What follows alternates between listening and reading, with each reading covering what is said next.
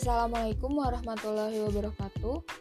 Perkenalkan, saya Noviarini Rahmawati dengan NIM 1901261 dari kelompok 1 jurusan Pendidikan Kewarganegaraan kelas PKN 2019A.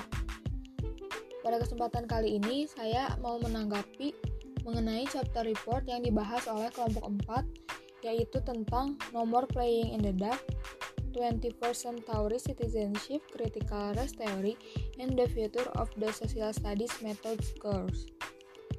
Seperti yang sudah dijelaskan sebelumnya oleh pemateri, bab ini menjelaskan tentang teori ras kritis yaitu pendidikan kewarganegaraan sebagai tujuan sentral lama dari studi sosial, di mana guru sekolah menengah dituntut untuk menumbuhkan pemahaman dan apresiasi di kalangan kaum muda tentang bagaimana penganugerahan dan perlindungan hak-hak melalui pemerintah federal dan negara bagian.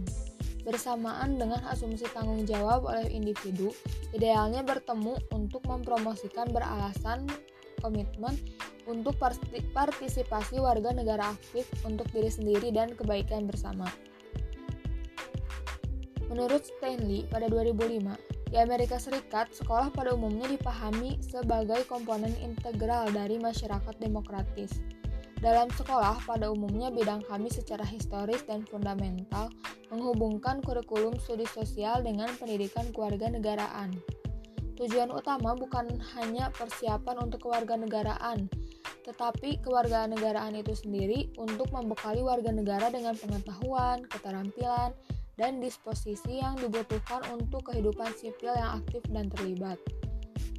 Dalam expect Expectations of Excellence Kurikulum Standards for Social Studies pada 1994 Dewan mencatat tujuan studi sosial adalah untuk membantu kaum muda mengembangkan kemampuan untuk membuat keputusan yang beralasan dan beralasan untuk kepentingan publik sebagai warga negara dalam masyarakat demokratis yang beragam budaya dalam satu dunia interdependen.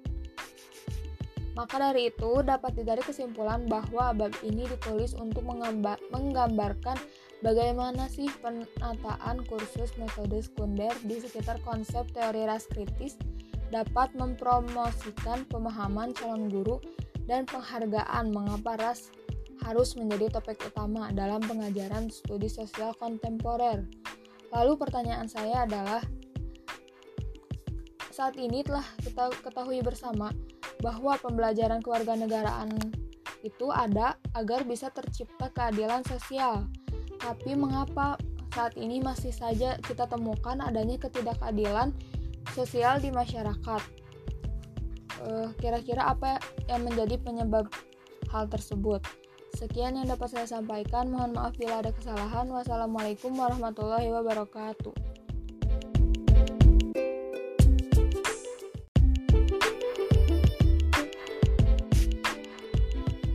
Assalamualaikum warahmatullahi wabarakatuh. Saya Noviarini Rahmawati dengan NIM 1901261 akan menanggapi materi yang dibahas oleh kelompok 5 yang telah disampaikan melalui podcast. Menurut saya, podcast yang diberikan oleh kelompok 5 sudah sangat baik. Dari segi suara, podcast tersebut dapat membuat nyaman yang mendengarnya karena terdapat suara latar dan selain itu Suci dan Ica sebagai pemateri juga menyampaikan dengan suara yang cukup jelas, tidak terlalu besar, tidak terlalu kecil, sehingga materi yang dijelaskan dapat tersampaikan dengan baik. Tidak hanya itu, salin dia yang disampaikan juga cukup menarik, rapih, dan tidak monoton. Hanya saja, yang ditampilkan terlalu kecil. Kelompok ini membahas mengenai materi guru prajabatan untuk mempromosikan ide besar dalam pelajaran studi sosial.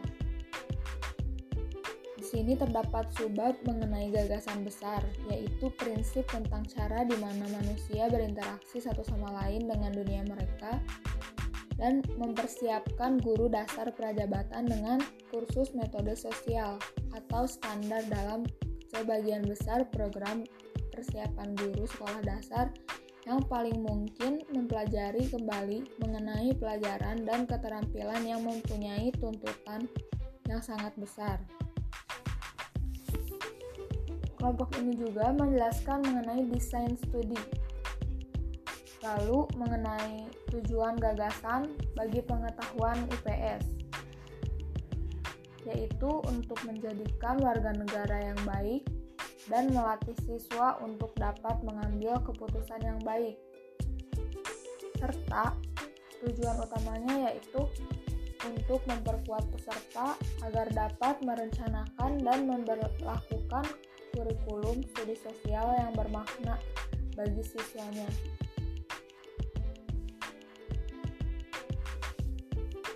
Dari semua paparan yang saya sampaikan, saya mengambil satu pertanyaan yaitu menurut kelompok 5, apakah di Indonesia sudah menerapkan gagasan ini? Jika sudah, apakah gagasan tersebut berjalan dengan baik atau tidak?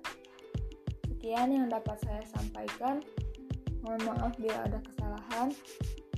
Wabillahi taufiq wal hidayah. Wassalamualaikum warahmatullahi wabarakatuh.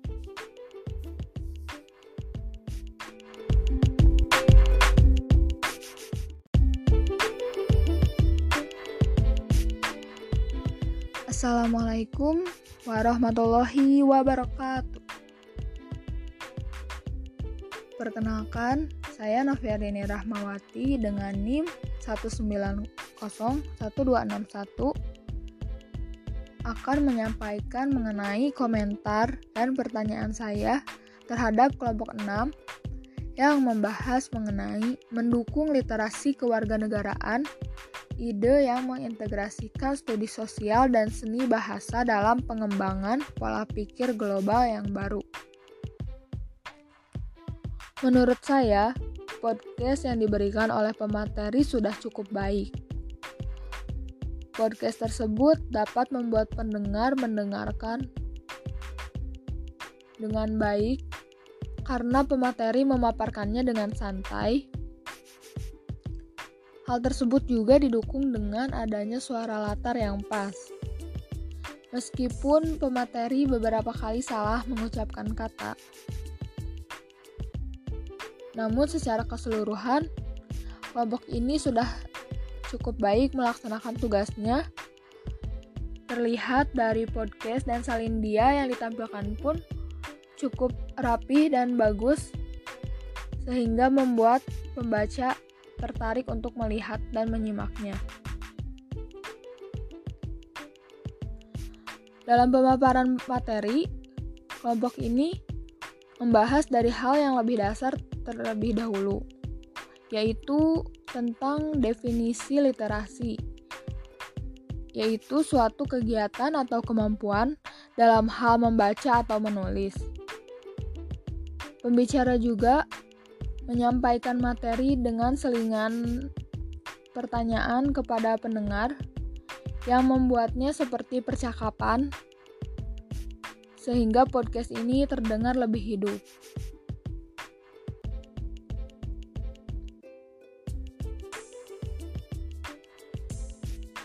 Sedikit materi yang saya ambil, yaitu para pendidik harus membuat peserta didik agar dapat mengenali huruf karena sangat penting sebagai pengembang keterampilan, pengetahuan, dan kemampuan yang diperlukan masyarakat untuk berpikir dan bertindak agar dapat diimplementasikan di dunia nyata. Literasi juga untuk memahami ketidaksetaraan atau ketidakadilan dalam manusia itu sendiri. Literasi memiliki beberapa jenis, yaitu literasi membaca dan menulis, budaya, digital, dan kewarganegaraan. Terdapat sebuah pernyataan yang dipaparkan yaitu literasi sebagai strategi yang berguna sebagai suatu metode pengajaran yang diperlukan untuk memperkuat kemampuan dan pengetahuan calon guru. Saya setuju dengan pernyataan tersebut karena untuk membentuk peserta didik yang dapat menjadi agen perubahan harus dimulai dari guru yang berkualitas.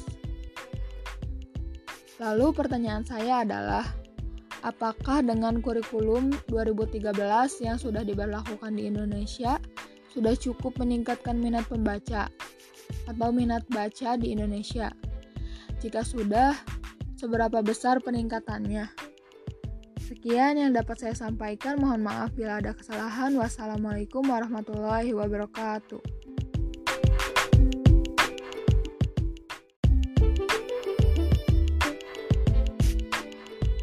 Assalamualaikum warahmatullahi wabarakatuh.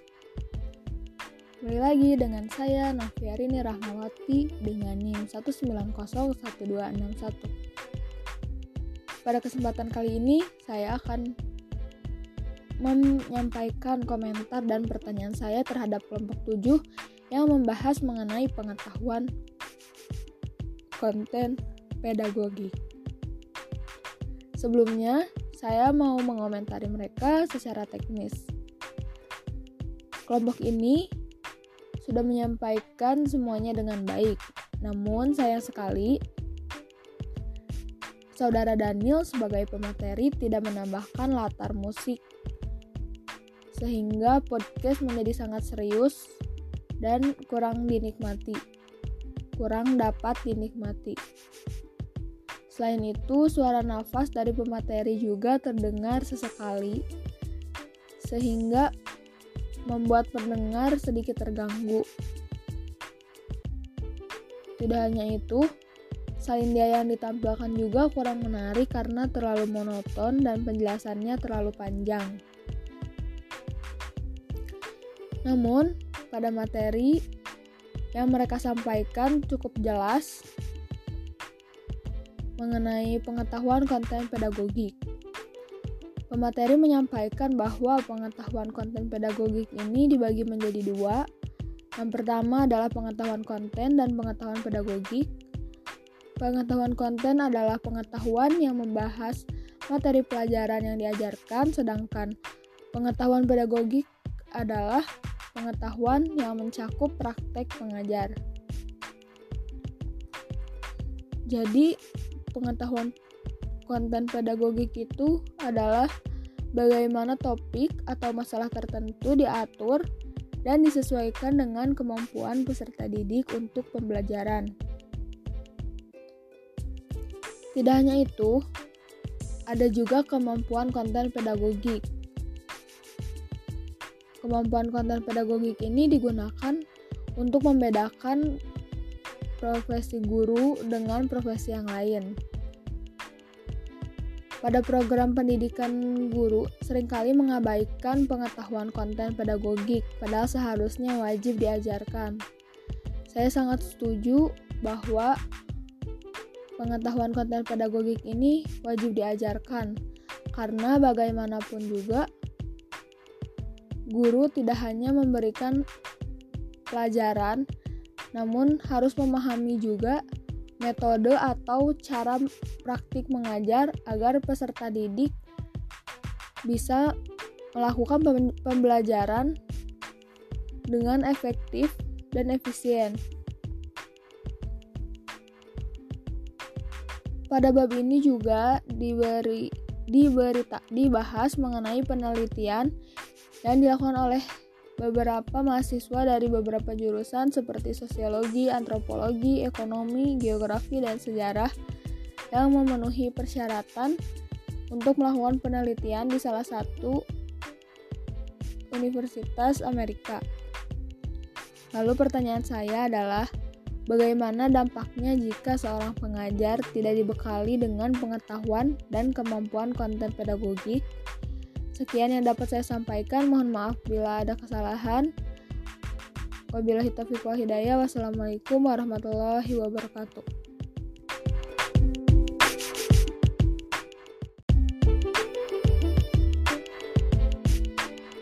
Assalamualaikum warahmatullahi wabarakatuh. Selamat pagi, selamat siang, selamat sore, selamat malam semuanya.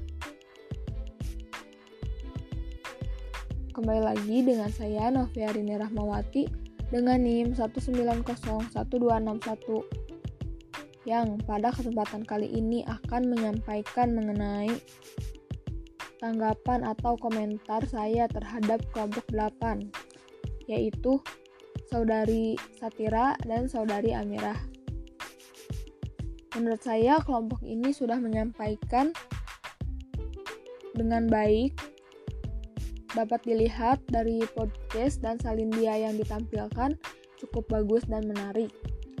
Namun yang sangat disayangkan adalah suara dari saudari Amirah yang kurang jelas karena terlalu kecil sehingga pematerian, pematerian yang disampaikan pun kurang maksimal.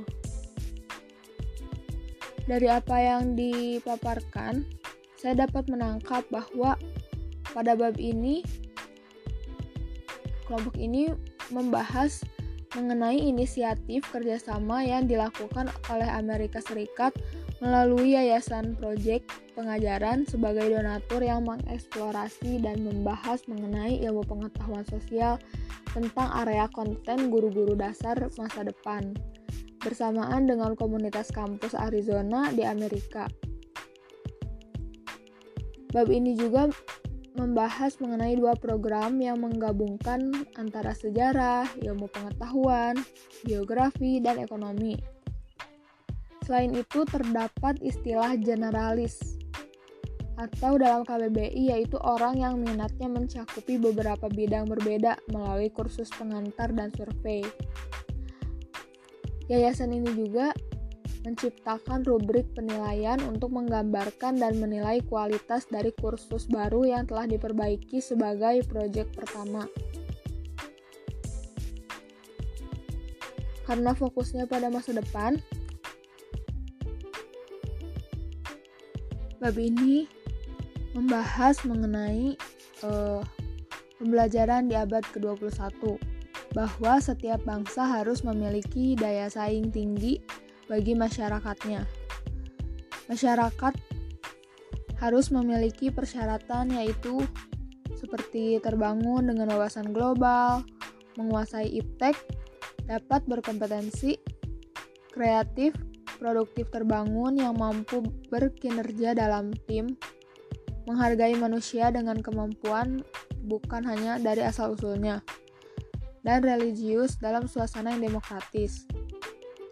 Lalu pertanyaan saya adalah, menurut kelompok 8, apakah pembelajaran pada abad 21 ini akan berjalan baik dan cocok jika nanti diberlakukan di Indonesia? Jika iya, maka berikan alasannya. Sekian yang dapat saya sampaikan. Mohon maaf bila ada kesalahan. Wassalamualaikum warahmatullahi wabarakatuh.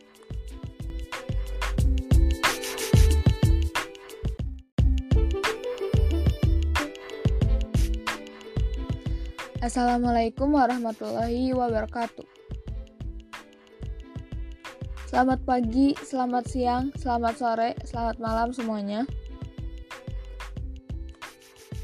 Kembali lagi dengan saya Noviarini Rahmawati dengan NIM 1901261 yang akan menyampaikan mengenai komentar dan tanggapan saya terhadap kelompok 8 Sebelumnya, saya akan menyampaikan komentar saya mengenai teknis dari kelompok 8. Menurut saya, teknis yang mereka lakukan sudah cukup baik karena kedua pembicara menyampaikan pemateri dengan santai dan tenang dan jelas sehingga pendengar pun dapat menikmati podcast tersebut dan menerima materi dengan baik.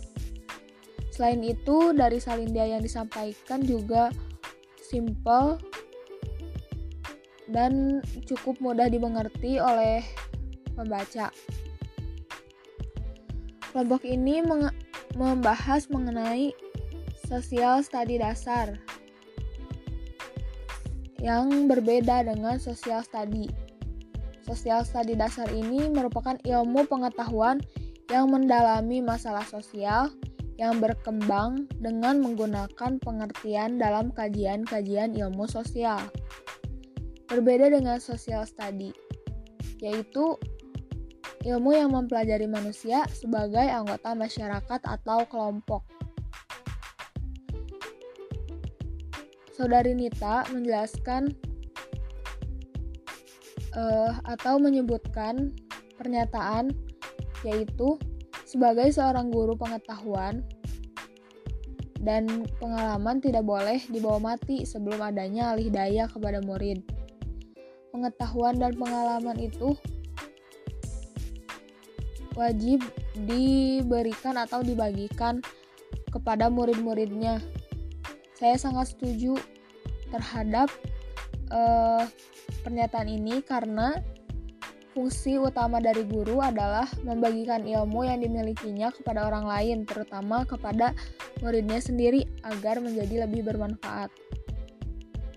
Selain itu, kelompok ini juga membahas mengenai dua cara metode sosial study yang kreatif, yaitu ada kursus berbasis sekolah dan metode literasi. Namun, persiapan guru ilmu pengetahuan sosial terabaikan karena dipengaruhi oleh pengajar yang kurang adanya pengetahuan tentang pedagogi. Selain itu, kelompok ini juga membahas mengenai pentingnya menyatukan visi jutaan tenaga pendidik dalam menyampaikan materi. Hal lain juga dibahas yaitu Pembelajaran kritis dapat membuat siswa maju di abad berikutnya dengan membentuk siswa yang visioner. Oleh karena itu, pendidikan sosial pada intinya merupakan sebuah penghormatan terhadap visi yang visioner atau menyesuaikan perkembangan peradaban. Sekian yang dapat saya sampaikan. Wassalamualaikum warahmatullahi wabarakatuh.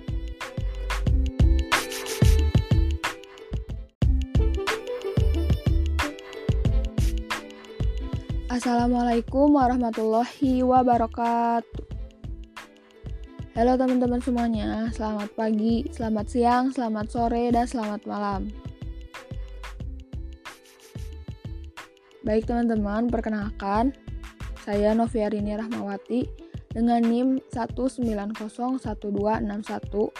dari kelas PKN 2019A dan saya merupakan kelompok 1 Tujuan saya membuat podcast kali ini yaitu untuk menyampaikan pendapat atau komentar serta pertanyaan saya terhadap kelompok 10 yang beranggotakan Muhammad Iqbal Ramadan dan Vanisha Aprilia. Di sini saya akan menyampaikan komentar saya secara teknis terlebih dahulu. Menurut saya, podcast yang disampaikan oleh kelompok 10 ini sudah baik. Hanya saja, pada podcast milik Vanisha Aprilia, suaranya terlalu kecil sehingga materi yang disampaikan kurang dapat diterima baik oleh pendengar. Karena suara pemateri tertutupi oleh suara latar musik. Sedangkan podcast milik Iqbal sudah baik karena pembawaannya tidak terlalu cepat, sehingga materinya pun mudah untuk dipahami dan tersampaikan oleh pen kepada pendengar.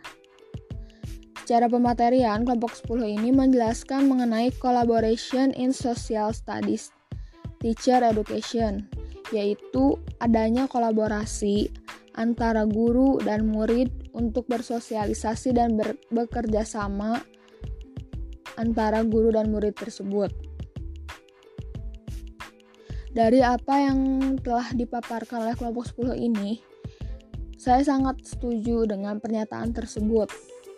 Karena bagaimanapun, guru dan murid ini harus bekerja sama agar terciptanya kegiatan belajar mengajar yang lebih baik, lancar, dan sesuai. Karena guru dan murid ini harus menjadikan simbiosis mutualisme. Selain itu, tugas guru adalah memberikan ilmu dan tugas murid adalah menerima ilmu. Dari situ, pasti terjadinya kolaborasi atau kerjasama yang tercipta. Dari apa yang telah dipaparkan oleh kelompok 10, timbul pertanyaan saya yaitu uh,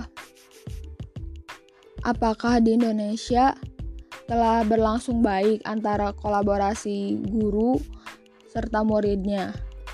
Misalnya pada kurikulum 2013 yang dijalankan oleh Indonesia saat ini, apakah kurikulum tersebut efektif untuk membuktikan adanya kolaborasi antara guru dan murid di sekolah. Sekian yang dapat saya sampaikan. Mohon maaf bila ada kesalahan. Wassalamualaikum warahmatullahi wabarakatuh.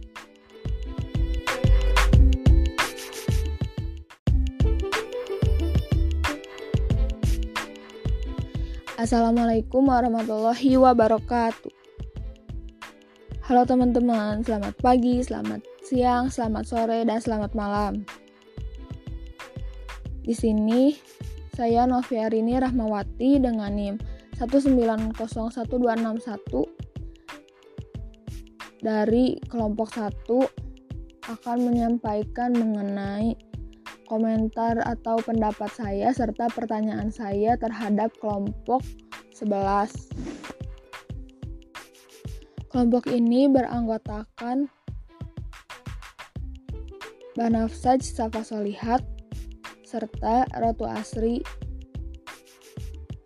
Mereka menjelaskan mengenai bagaimana pengalaman penggunaan media sosial sebagai bagian dari humanisasi pedagogi. Sebelumnya, seperti biasa saya akan mengomentari dari segi teknis. Menurut saya, kelompok ini telah menyampaikannya dengan baik, baik dari podcast maupun salindia yang diberikan. Namun pada salindianya kurang adanya poin-poin yang dapat memudahkan pembaca. Selain itu, eh, semua materinya sudah baik dan tersampaikan. Di sini terdapat tujuan mempelajari bab ini yaitu agar dapat memberikan wawasan kepada pendidik yang tertarik untuk memanfaatkan media baru untuk membantu menciptakan dunia yang lebih adil. Menurut saya, setiap pendidik itu seharusnya memang tertarik terhadap pemanfaatan media baru ini. Mengapa? Karena bagaimanapun zaman itu akan berubah sehingga kita sebagai pendidik tidak bisa menggunakan cara-cara lama kepada peserta didik yang baru. Intinya, pendidikan dunia pendidikan juga harus mengikuti perkembangan zaman agar siswa tidak lelah, tidak bosan saat belajar. Meskipun banyak kekurangan dan kelebihan dari media ini, tetapi jika kita dapat memanfaatkannya dengan baik, maka akan mendapatkan hasil yang baik pula. Lalu timbul pertanyaan saya yaitu apakah di Indonesia sudah menjalankan metode ini dengan baik atau jika belum Menurut kelompok, metode seperti apa yang cocok digunakan di Indonesia dalam hal pemanfaatan media baru tersebut. Sekian yang dapat saya sampaikan. Mohon maaf bila ada kesalahan. Wabillahi taufiq wal hidayah. Wassalamualaikum warahmatullahi wabarakatuh.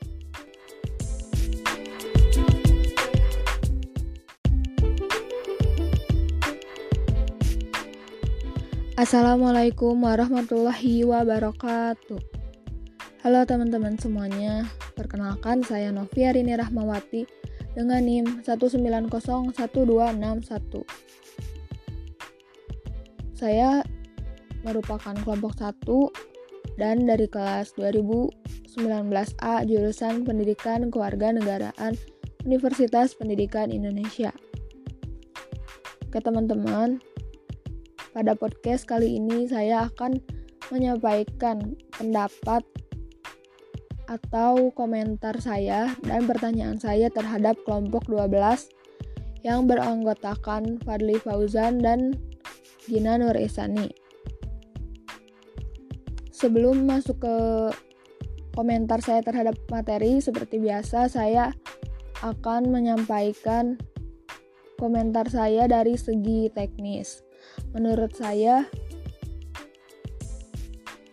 podcast yang disampaikan oleh Hadli maupun Gina ini sudah baik. Namun, sepertinya uh, saudara Fadli dan saudari Gina ini terlalu dekat menggunakan mikro mikrofonnya sehingga suara yang tersampaikan juga menjadi tidak jernih dan materi yang disampaikan juga menjadi kurang dapat uh, terdengar jelas oleh pendengar. Dari salin dia yang disampaikan sudah baik, hanya saja kurang adanya poin-poin sehingga sulit dipahami oleh pembaca. Kelompok ini menjelaskan mengenai kemitraan. Di sini terdapat bahwa eh, calon guru harus ada bekerja sama dengan guru yang ada di sekolah dan bagaimana calon guru tersebut dapat membuat suasana kelas yang efektif. Saya sangat setuju dengan pernyataan ini karena bagaimanapun dengan adanya kemitraan ini, calon guru dapat mengetahui atmosfer kelas itu seperti apa sih. Dan agar saat calon guru tersebut menjadi guru sesungguhnya ia tidak kaget lagi sehingga hal ini diperlukan oleh calon guru yaitu untuk bekerja sama dengan guru yang ada di sekolah agar dapat lebih memahami siswa, agar dapat lebih memahami situasi kelas dan sebagainya. Lalu pertanyaan saya adalah bagaimana cara yang efektif yang harus dijalankan oleh calon guru dengan guru agar mendapatkan pembelajaran yang efektif dan lebih baik. Karena kita ketahui bersama bahwa pendidikan di Indonesia ini kurang adanya wawasan dan pembelajaran praktik. Sekian yang dapat saya sampaikan. Mohon maaf bila ada kesalahan. Terima kasih telah mendengarkan podcast saya. Wassalamualaikum warahmatullahi wabarakatuh.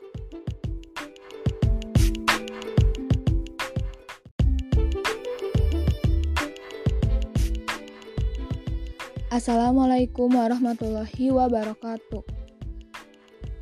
Halo teman-teman, selamat pagi, selamat siang, selamat sore, dan selamat malam. Perkenalkan, saya Noviarini Rahmawati dengan NIM 1901261 dari kelas PKN 2019A. Saya juga merupakan anggota dari kelompok 1 Tujuan dibuatnya podcast kali ini yaitu untuk mengomentari atau memberikan pendapat saya serta pertanyaan saya terhadap kelompok 13 yang beranggotakan saudari Aisyah dan saudara Nandang. Dari apa yang telah saya dengarkan melalui podcast, menurut saya kedua pemateri telah menyampaikannya dengan baik. Hanya saja, podcast dari saudara Nandang ini terdapat beberapa suara yang membuat pendengar sedikit terganggu dan salah fokus. Namun secara keseluruhan kelompok ini sudah memberikan yang terbaik. Dari pematerian, kelompok ini menyampaikan mengenai pentingnya kewarganegaraan multikultural dan pendidikan guru.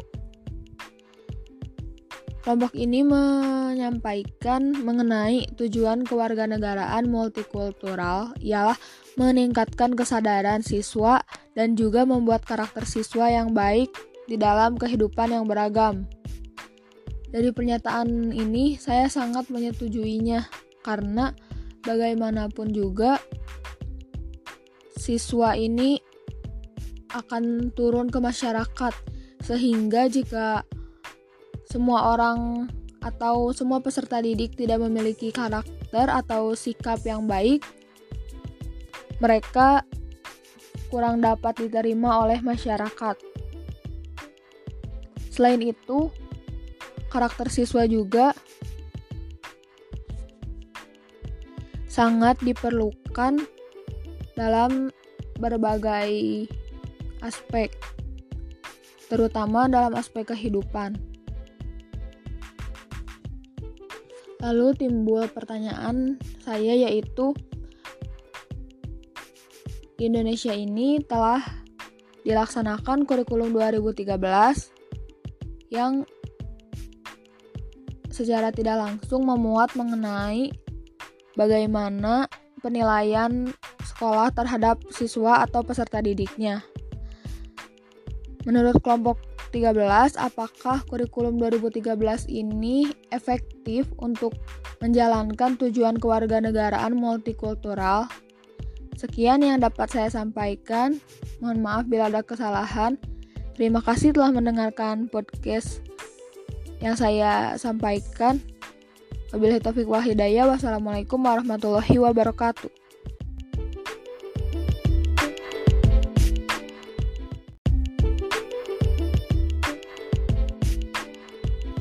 Assalamualaikum warahmatullahi wabarakatuh. Halo teman-teman, selamat pagi, selamat siang, selamat sore, dan selamat malam. Baik teman-teman, Perkenalkan, saya Noviarini Rahmawati dengan NIM 1901261. Tujuan saya membuat podcast adalah untuk memenuhi tugas dan memberi, memberikan komentar atau pendapat saya serta pertanyaan saya terhadap kelompok 14 yang beranggotakan saudari Dina Januari serta saudari Sela Febiani. Dari segi teknis, sebenarnya kelompok ini sudah menyampaikan pemateriannya dengan cukup baik. Namun, pada podcast saudari Sela Febiani, podcastnya terlalu panjang dan hanya terdengar suara musik latar tanpa ada pematerian yang disampaikan. Kelompok ini menjelaskan atau membahas mengenai learning in and through practice a case study of a design-based residency program. Dalam bab ini dijelaskan mengenai bagaimana calon-calon guru itu pada nantinya akan bekerja di dunia pendidikan, terutama pada studi sosial. Di sini juga dijelaskan mengenai kemitraan antara guru dan sekolah guna untuk membentuk dan merencanakan pembelajaran untuk siswa nantinya. Saya sangat setuju dengan pendapat yang disampaikan oleh kelompok 14 ini karena dengan adanya kemitraan atau hubungan antara guru dan sekolah ini akan terjadi kegiatan pembelajaran yang lebih efektif yang akan disampaikan oleh siswanya. Selain itu, guru juga akan diberikan gambaran atau pengalaman mengenai praktik sebagai guru yang sesungguhnya atau guru yang langsung terjun di dunia pendidikan.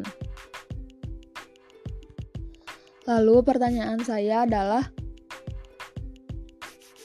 di Indonesia ini sudah ada program seperti ini yaitu program profesi guru.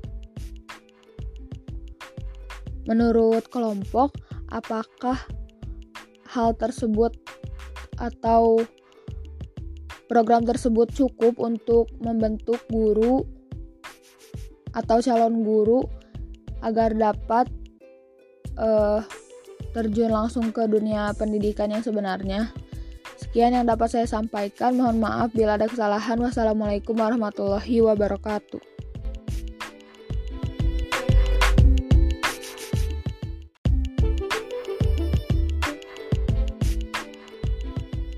Assalamualaikum warahmatullahi wabarakatuh. Selamat pagi, selamat siang, selamat sore, dan selamat malam semuanya. Perkenalkan, saya Novia Rini Rahmawati dengan NIM 1901261 dari kelas Pendidikan Kewarganegaraan 2019B dan saya merupakan anggota kelompok 1 dari mata kuliah Pendidikan Ilmu Pengetahuan Sosial. Baik, di sini saya akan menyampaikan mengenai komentar dan pertanyaan saya terhadap kelompok 15 yaitu Saudara Erli Apriliani dan Saudara Sri Nurdiani.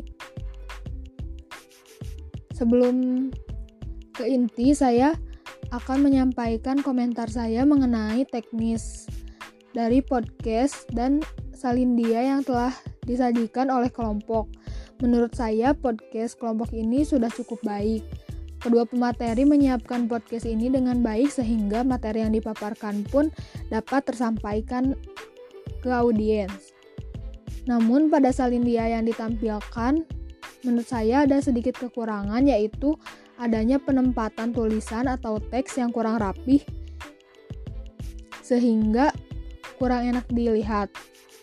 Namun, secara keseluruhan kelompok ini telah menyampaikan materi dengan baik, yaitu mengenai persimpangan budaya dan komunitas, mengembangkan rasa kritis tempat dalam pendidikan guru pendidikan sosial. Sebagaimana seperti yang tertera pada salindia yaitu memberi calon guru kesempatan untuk bertemu dan belajar dari orang tua dan pemimpin di komunitas dan mengirimkan siswa ke ruang kelas tempat mereka akan mengajar siswa.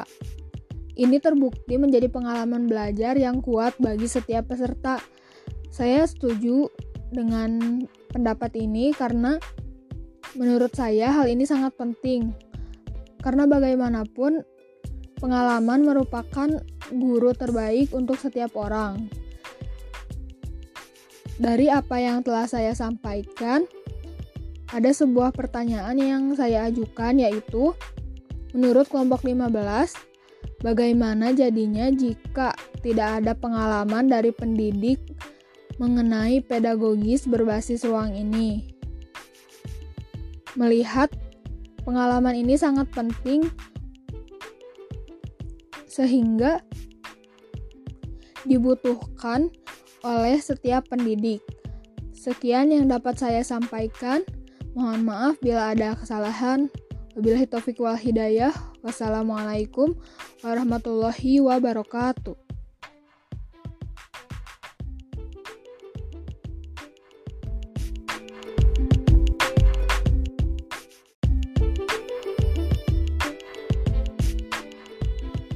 Assalamualaikum warahmatullahi wabarakatuh. Halo teman-teman, selamat pagi, selamat siang, selamat sore, dan selamat malam semuanya. Sebelumnya izin perkenalan, nama saya Noviarini Rahmawati dengan NIM 1901261 dari kelas Pendidikan Kewarganegaraan 2019A. Saya merupakan anggota dari kelompok 1 pada mata kuliah Pendidikan Ilmu Pengetahuan Sosial. Pada kesempatan kali ini, saya akan memberikan atau menyampaikan mengenai komentar dan pertanyaan saya terhadap kelompok 16 yaitu Saudari Winawara dan Saudari Devira. Sebelum masuk ke inti, saya akan menyampaikan komentar saya secara teknis. Menurut saya, pada podcast kelompok ini sudah cukup baik.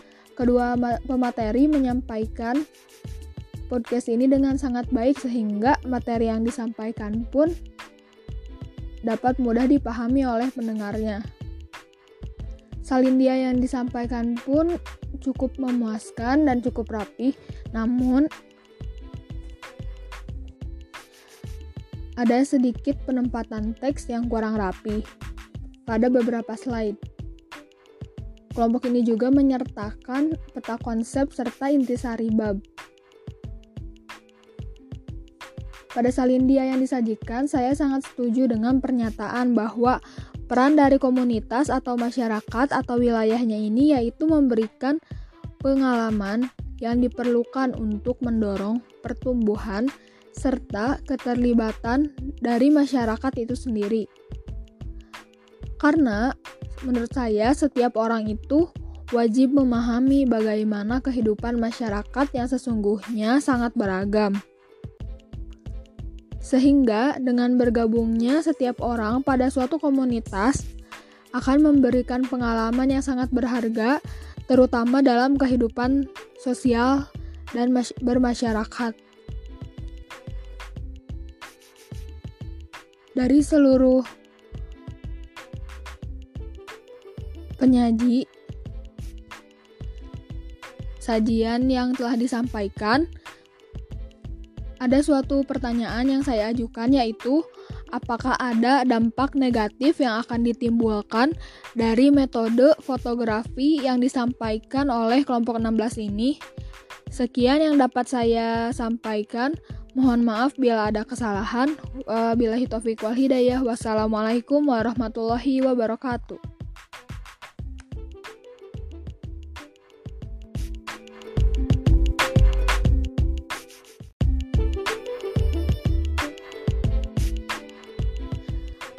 Assalamualaikum warahmatullahi wabarakatuh. Halo semuanya, selamat pagi, selamat siang, selamat sore, dan selamat malam. Sebelumnya izin memperkenalkan diri, nama saya Novia Rini Rahmawati dengan NIM 1901261 dari jurusan Pendidikan Kewarganegaraan kelas 2019A saya tergabung dalam kelompok satu pada mata kuliah Pendidikan Ilmu Pengetahuan Sosial. Pada kesempatan kali ini, saya akan menyampaikan mengenai komentar dan pertanyaan saya terhadap kelompok 13. Maksud saya kelompok 17 yang beranggotakan saudari Agnia serta saudara Nasrul. Sebelum masuk ke tanggapan inti dari saya, saya akan menyampaikan tanggapan saya secara teknis. Menurut saya, podcast dari kelompok ini sudah cukup baik karena kedua pemateri menyampaikan podcast ini dengan jelas sehingga materi yang dipaparkan pun dapat didengar dengan baik oleh audiens. Selain itu, salindia yang disajikan juga sangat rapih dan jelas. Kelompok 17 ini membahas mengenai studi sosial berbasis tempat pendidikan guru, belajar mengajar untuk kewarganegaraan ekologis saat menyelidiki masalah sampah lokal. Dari pematerian yang diberikan oleh penyaji, ada suatu kalimat yang saya sangat setujui yaitu pendidikan berbasis tempat berprinsip bahwa pembelajaran dimulai dengan konteks di mana pelajar berada. Menurut saya, kalimat ini patut disetujui karena jika kita melakukan pembelajaran tidak dimulai dari tempat kita berada, maka kita tidak akan bisa memahami atau mengerti situasi pembelajaran di tempat lain sehingga pendapat mengenai pembelajaran yang dimulai dari tempat pelajar berada ini merupakan hal yang sangat penting. Secara keseluruhan, timbul pertanyaan saya yaitu apakah di Indonesia ini telah dilaksanakan pendidikan guru studi sosial berbasis tempat? Jika sudah, berikan contoh masalah kewarganegaraan yang mengontekstualisasikan setiap sekolah berdasarkan sifatnya di suatu tempat. Sekian yang dapat saya sampaikan. Mohon maaf bila ada kesalahan. Wassalamualaikum warahmatullahi wabarakatuh.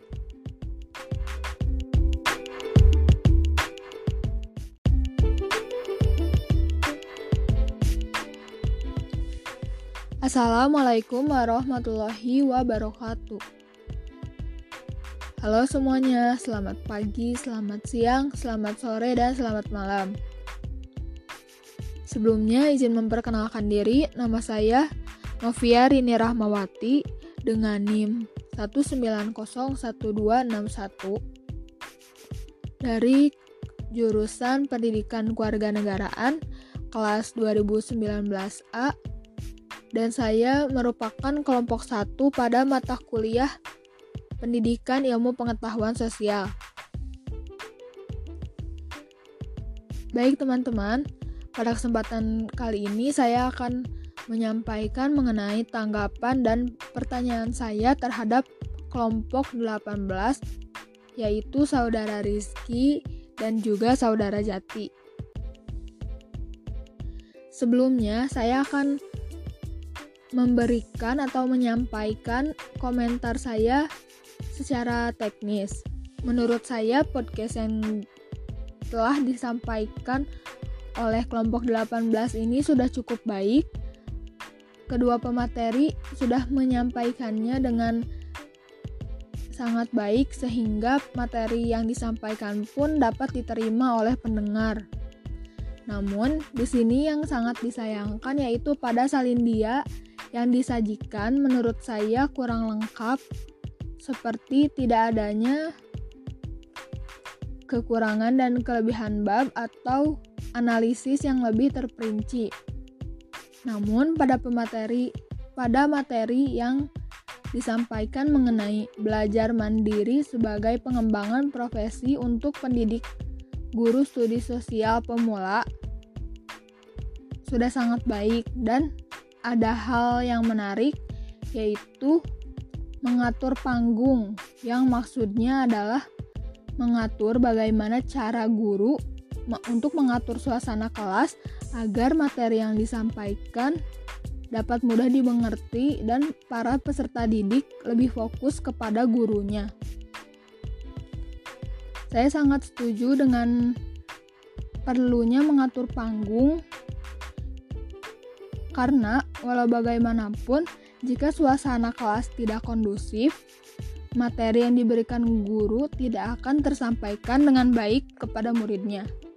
Selain itu, fokus anak juga akan terbagi-bagi, sehingga menurut saya mengatur panggung ini, terutama mengatur dalam hal suasana, merupakan wajib diperhatikan oleh pendidik. Oleh karenanya, timbul uh, pertanyaan dari saya yaitu menurut kelompok ini hal atau kegiatan seperti apa yang dapat digunakan oleh pendidik untuk mengatur dan menjadikan suasana kelas yang tadinya tidak kondusif agar menjadi lebih kondusif. Sekian yang dapat saya sampaikan. Mohon maaf bila ada kesalahan. Wassalamualaikum warahmatullahi wabarakatuh.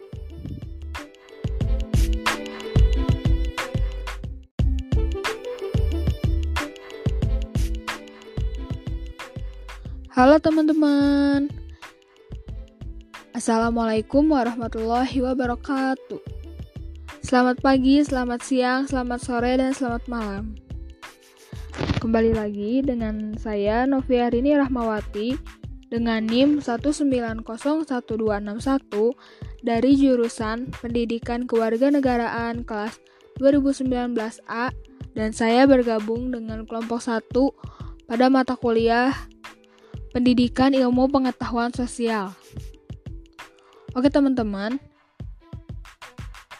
Pada kesempatan kali ini, saya akan menyampaikan mengenai tanggapan saya terhadap kelompok 19 yang beranggotakan Saudari Anggi dan Saudari Nidak Kurota. Pertama, saya akan menyampaikan tanggapan saya mengenai teknis yang disajikan oleh kelompok ini. Menurut saya, podcast yang disajikan oleh kelompok ini sudah cukup baik. Kedua pemateri menyiapkan podcast ini sudah cukup maksimal sehingga materi yang dipaparkan pun dapat tersampaikan dengan baik kepada pendengar. Selain itu, pemateri juga membawakannya seperti berdiskusi dengan pendengarnya sehingga terkesan seperti ada percakapan dua arah. Salin dia yang disajikan pun simpel dan rapi, sehingga yang melihat pun senang menyaksikannya. Untuk materi yang disampaikan mengenai using big data, large scale studies, and secondary data analysis as tools to inform social studies teaching and learning. Pada Salindia, terdapat sebuah kalimat penutup yaitu kumpulan big data yang mudah diakses dan analisis data sekunder memberikan prospek yang berharga bagi para peneliti dan guru untuk memeriksa dan menginterpretasikan masalah yang persisten dan topik yang relevan dengan pendidikan studi sosial. Saya setuju dengan pernyataan tersebut bahwa kumpulan big data dan analisis data sekunder merupakan hal yang penting, khususnya bagi para peneliti, terutama bagi para guru. Sehingga jika, jika aksesnya dipermudah, Tentu hal ini juga akan memudahkan mereka dalam memeriksa dan menginterpretasikan masalah pada pendidikan, khususnya pada pelajaran studi sosial. Sekian yang dapat saya sampaikan. Mohon maaf bila ada kesalahan. Wabillahi taufiq wal hidayah. Wassalamualaikum warahmatullahi wabarakatuh.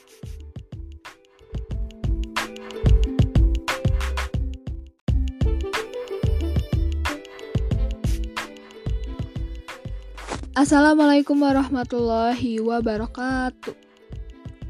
Halo teman-teman, selamat pagi, selamat siang, selamat sore, dan selamat malam. Oke teman-teman, kembali lagi dengan saya Noviarini Rahmawati dengan NIM 1901261 dari jurusan Pendidikan Kewarganegaraan kelas 2019A dan saya tergabung dalam kelompok satu pada mata kuliah Pendidikan Ilmu Pengetahuan Sosial. Baik, pada kesempatan kali ini saya akan menyampaikan mengenai tanggapan dan pertanyaan saya terhadap kelompok 20 yang beranggotakan Saudara Debi Indah serta Saudara Tegar yang membahas mengenai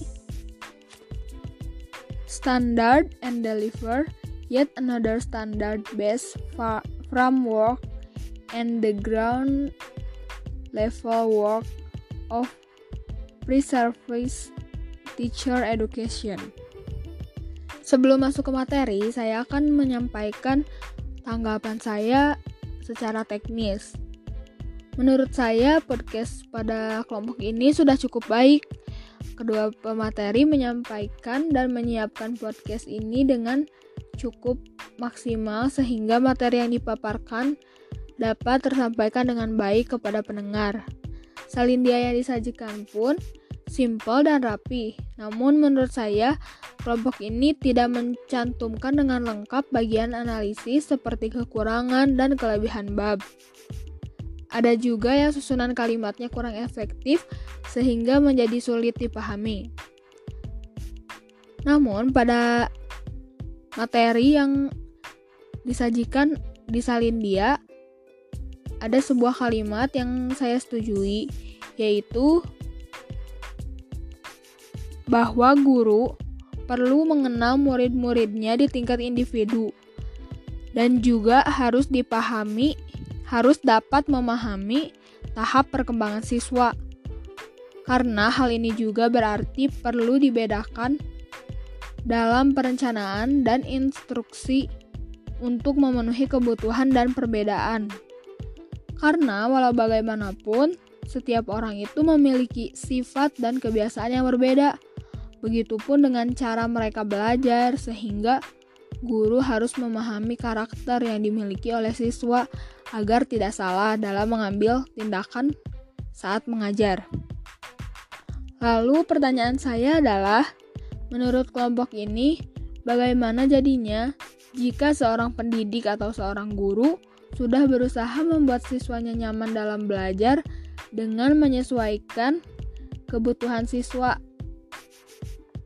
Namun, siswa tersebut tetap merasa bahwa gurunya tidak efektif dalam mengajar. Sekian yang dapat saya sampaikan. Mohon maaf bila ada kesalahan. Wassalamualaikum warahmatullahi wabarakatuh.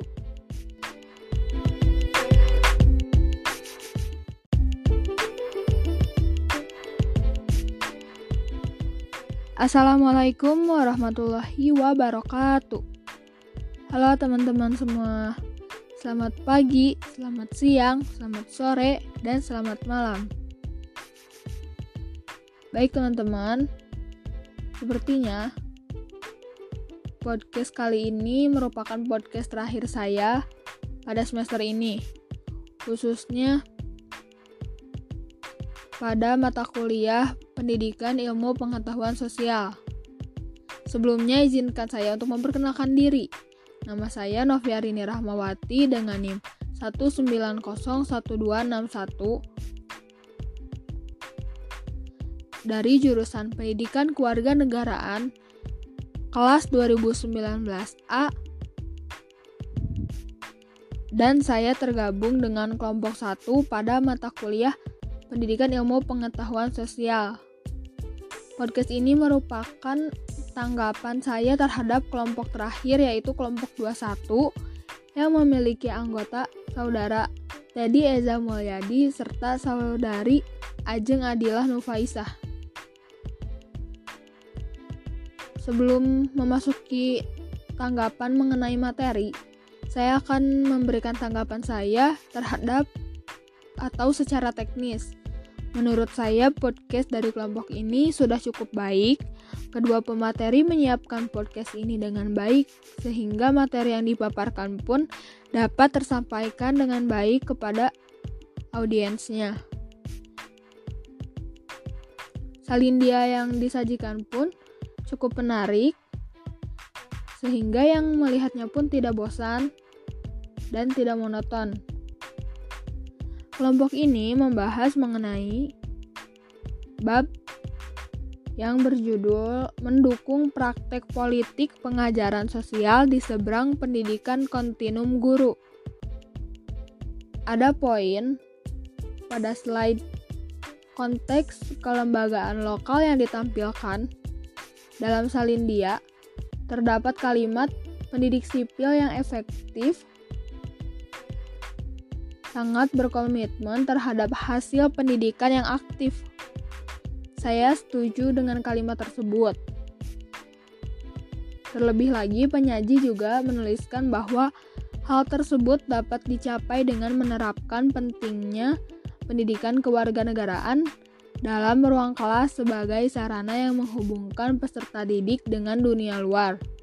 Karena pada hakikatnya setiap orang itu akan menjalankan kehidupan yang sesungguhnya, sehingga pendidikan kewarganegaraan dirasa sangat penting dan dapat membantu peserta didik menjadi partisipan yang aktif dalam politik di masa yang akan datang.